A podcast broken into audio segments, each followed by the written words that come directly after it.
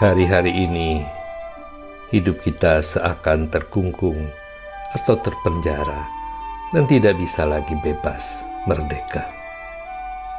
Semua saling curiga satu dengan yang lain. Tidak bisa lagi datang berkunjung ke rumah teman, saudara, bahkan orang tua sekalipun. Semua harus saling menjaga jarak. Bahkan dalam satu rumah pun, ketika salah satu anggota keluarga bersin saja, tidak ada lagi kata God bless. Tetapi kita semua segera memandangnya dengan perasaan curiga.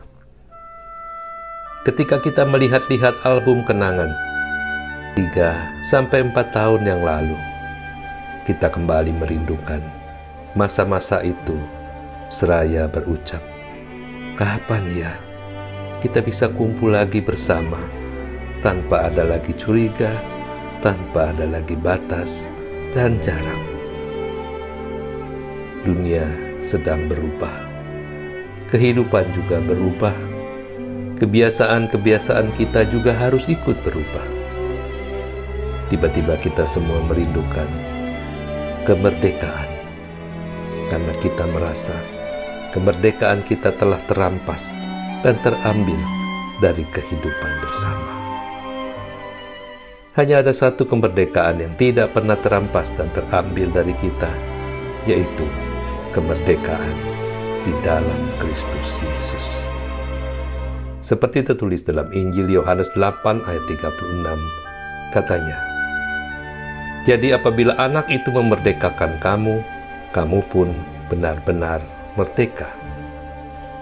Firman Tuhan dalam Galatia 5 ayat 1 mengatakan, supaya kita sungguh-sungguh merdeka, Kristus telah memerdekakan kita. Karena itu, berdirilah teguh dan jangan mau lagi dikenakan kuk perhambaan. Kristus membebaskan kita dari hukuman dan kuasa dosa melalui pengorbanannya di kayu salib kita telah menang atas kuasa maut. Kemerdekaan yang terjadi dalam kehidupan kita merupakan anugerah Tuhan Yesus yang besar.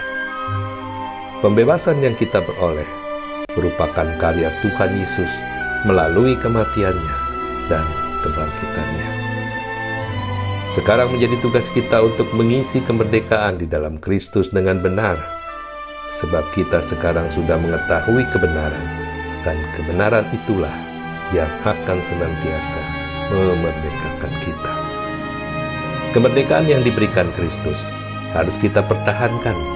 Kemerdekaan yang kita alami harus terwujud nyata dalam kehidupan kita sehari-hari. Merdeka bukan berarti kita bebas berbuat dosa, akan tetapi kita harus merdeka di dalam kebenaran. Kebenaran inilah yang memerdekakan kita dan kebenaran hanya ada di dalam Yesus Kristus. Mari jaga hubungan kita dengan Yesus serta jalanilah hidup kita di dalam kebenarannya. Maka kita akan terus-menerus dimerdekakan dari apa pun juga di dunia ini sampai suatu hari kelak kita akan bertemu dengan Sang Proklamator di sorga.